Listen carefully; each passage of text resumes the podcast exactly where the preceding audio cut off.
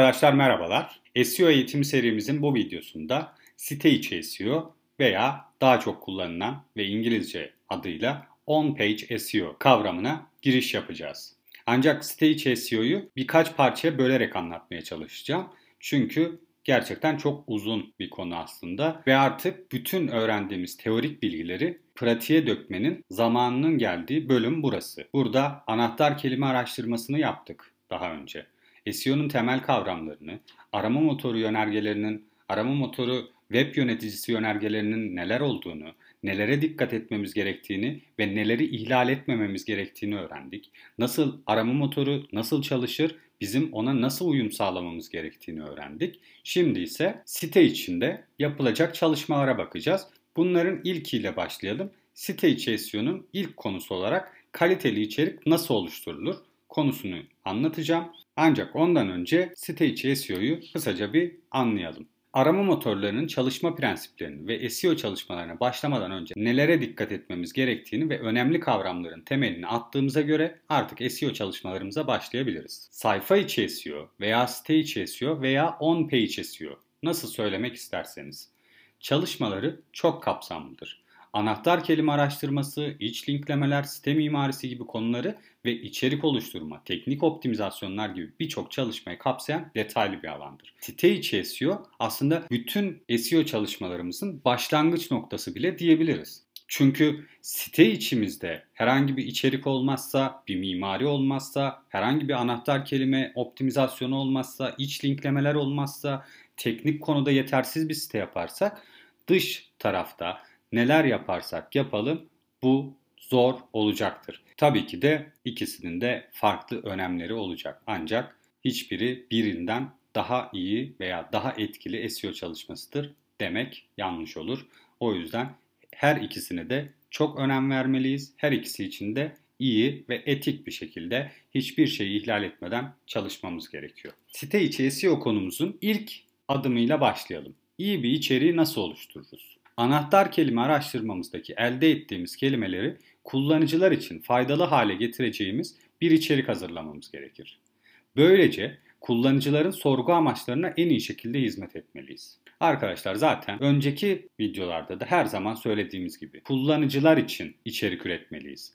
Arama motorları zaten bunlarla ilgilenmiyor. İçeriği kullanıcılar okuyor ve kullanıcıların merak ettiği içerikler bunlar. Bu yüzden her zaman Anahtar kelimelerimizi araştırdık. Elde ettiğimiz veriler var ve bunların sonucunda ona çok iyi bir içerik oluşturmamız gerekiyor. Bunun için kendimize şu üç soruyu sorabiliriz. Anahtar kelimeleriniz arasından benzer konulara ve amaca sahip olanları gruplandırın. Bu gruplar her anahtar kelime varyasyonu için ayrı sayfalar oluşturmak yerine tek bir sayfada bulunacak. Arkadaşlar burası çok önemli. İlerleyen slaytlarda da bunun neden önemli olduğunu tekrardan anlatacağım. İçeriğinizin ne tür ve formatta olması gerektiğini belirlemek için her bir anahtar kelime grubu için SERP'ü analiz edin.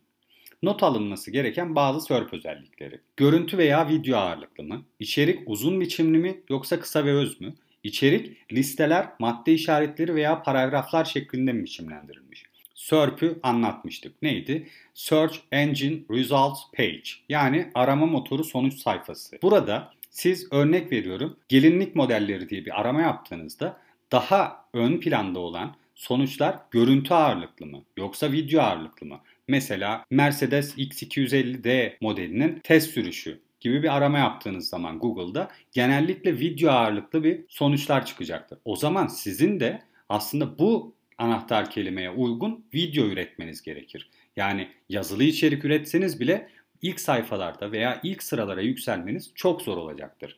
Veya atıyorum iPhone 12 yazdınız. Burada da genelde e-ticaret sonuçları yani e-ticaret sayfaları çıkacaktır. Ürün sayfaları çıkacaktır. O zaman siz iPhone 12 kelimesini baz alarak bir haber oluşturamazsınız. Çünkü haber olarak bu görünmeyecek. Yani iPhone 12 yazan bir kullanıcıya bir ürün sayfası görünecek. Ama bir blog yazısı veya haber yazısı, bir makale yazısı görünmeyecek. Tabii ki daha uzun kuyruklu, iPhone 12'yi daha detaylı araştırmak isteyen kullanıcılara elbette ki haberler, bloglar ve incelemeler de görünecek. Ama sadece iPhone 12 yazan birine ürün sayfaları görünüyorsa sizin de eğer iPhone 12 kelimesinde çıkmak istiyorsanız bir ürün sayfanız olması gerekiyor. Yani günün sonunda eğer bir e-ticaret siteniz de yoksa ve siz iPhone 12 kelimesini hedefliyorsanız yanlış bir içerik türü ve formatı seçmiş oluyorsunuz. İçerik uzun biçimli mi yoksa kısa ve öz mü? Bu da yine aynı şekilde. SERP'teki yüksek sıralamalarda olan içeriklerin biçimine bakıyoruz aslında. Ve o içerikler ne kadar detaylı anlatmış? Kısa mı, öz mü yoksa çok uzun gerçekten dakikalarca süren bir okuma süresi mi var? Bunlara bakarak biz de kendi içeriğimiz için bunları not ediyoruz. İçerik listeler, madde işaretleri veya paragraflar şeklinde mi biçimlendirilmiş? İçerik örnek veriyorum 10 adımda evde spor nasıl yapılır gibi bir içerikte ne yapmanız gerekiyor? Liste içeriktir bu. Çünkü 10 adımda diye başlıyor zaten. Demek ki 10 tane adım vermemiz gerekiyor. Eğer evde spor nasıl yapılır gibi bir arama yaptınız örnek veriyorum. Tabii ki bu genelde daha video ağırlıklı bir e, arama sonuç sayfası çıkacaktır karşımıza ama şu an örnek olarak bunu düşündüğümüz zaman evde spor nasıl yapılır diye bir arama yaptınız ve genellikle liste içeriklerle karşılaşıyorsanız yani en azından sıfırıncı, birinci, ikinci, üçüncü sıradaki içerikler liste içeriklerse sizin de bu içerikleri liste içerik halinde hazırlamanız gerekir. Örnek veriyorum en iyi filmler. Bu daha iyi bir örnek olabilir liste içeriği. En iyi filmler diye bir arama yaptığınızda genellikle en iyi filmlerle ilgili makaleler vesaireler değil liste içerikler ön planda olacaktır. Yani siz en iyi filmler kelimesine odaklıyorsanız bir liste içerik oluşturmanız gerekiyor. Bu yüzden içerik üretmek istediğimiz anahtar kelimemizi seçtikten sonra da aynı zamanda arama sonuç sayfasını bu kelimeler için analiz etmemiz gerekir. Son olaraksa kendinize şu soruyu sorun. Sayfamı şu anda anahtar kelimem için sıralamada olan sayfalardan daha iyi hale getirmek için hangi benzersiz değeri sunabilirim? Arkadaşlar aynı şeyleri yaparak birilerinin önüne geçemezsiniz. Bu her zaman böyledir. Eğer birinci sıradaki içerik belli bir noktaya gelmişse büyük ihtimalle diğerlerinden daha iyi ve daha benzersiz bir şey sunuyor demektir. Ve daha farklıdır, daha kalitelidir. Eğer siz de birinci sıraya gelmek istiyorsanız o içerikten daha iyi bir içerik sunmanız gerekiyor ki gerçekten kullanıcılar sizin içeriğinizi okumak istesin. İçerik oluştururken kaçınılması gerekenler. Yalnızca aramada üst sıralarda yer almak amacıyla içerik oluşturulmamalıdır. Arkadaşlar, sıralama amaca ulaşmak için bir araçtır ve amaç arama yapanlara yardımcı olmaktır. Bakın bu cümle gerçekten SEO'yu çok güzel anlatan bir şey. Evet, biz yüksek sıralamalarda yer almak istiyoruz. Ama bunun sebebi aslında belli bir amacımız var. Bunun için bir önceki derslerimizde söylediğim gibi 1 milyon ziyaretçi geldiğinde yalnızca 200 kişinin alması bizim için bir şey ifade etmiyor ki. Biz ama 10 bin kişi gelirse bizim içeriğimize ve hala 200 kişi alıyorsa bu çok daha yüksek bir orandır ve çok daha hedefli bir orandır. Yani biz bir kıyafet satan bir e-ticaret sitesiysek en iyi filmler diye bir içerikte birinci sırada çıkmamızın herhangi bir nedeni, sebebi veya bize katacağı bir şey olmayacaktır büyük ihtimalle. Bu yüzden sıralama amaca ulaşmak için bir araçtır ve amaç arama yapanlara yardımcı olmaktır. Bunu her zaman bence aklımızda bulundurmamız gerekiyor. Diğer bazı teknik kaçınılmamız gereken kurallar neler? Zayıf içerik. Zayıf içerik ne demek? Google bir anahtar kelimenin her varyasyonu için birden çok zayıf sayfa içerik oluşturmamız yerine kapsamlı tek bir sayfamız içeriğimiz olmasını öneriyor. Arkadaşlar her anahtar kelimenin her varyasyonu için yani izlenmesi gereken en iyi filmler için bir tane içerik, mutlaka izlenmesi gereken filmler için bir tane içerik, izlenmesi gereken en iyi filmler için bir tane içerik vesaire bunları arttırabiliriz. Bunlarla sürekli hepsine ayrı sayfalar yaparsak bunlar birer zayıf içeriktir ve aynı zamanda burada keyword cannibalization denilen anahtar kelime yamyamlığı yapmış da oluyoruz bir yandan. Birden çok içeriğimizin aynı odak anahtar kelimelerde, aynı anahtar kelime varyasyonlarında sıralama almasını sağlarsak eğer Google burada maalesef bu içeriklerin hepsini sıralamayacaktır. Bu içerikler birbirinden trafik çekecektir ve hiçbiri en iyi performansı da göstermeyecektir. Ama eğer hepsini kapsamlı tek bir içerikte toplarsak işte o zaman belki de ilk sırada bizim içeriğimiz olabilir. Bir başka kaçınmamız gereken konu ise yinelenen içerik. Bunu duplicate content olarak da internette daha fazla arayabilirsiniz. Ayrıca buraya kaynak olarak Google'ın arama merkezinde bu konuyla ilgili çok detaylı bir kaynak var. Ben de açıklama kısmında sizlere o linki paylaşacağım.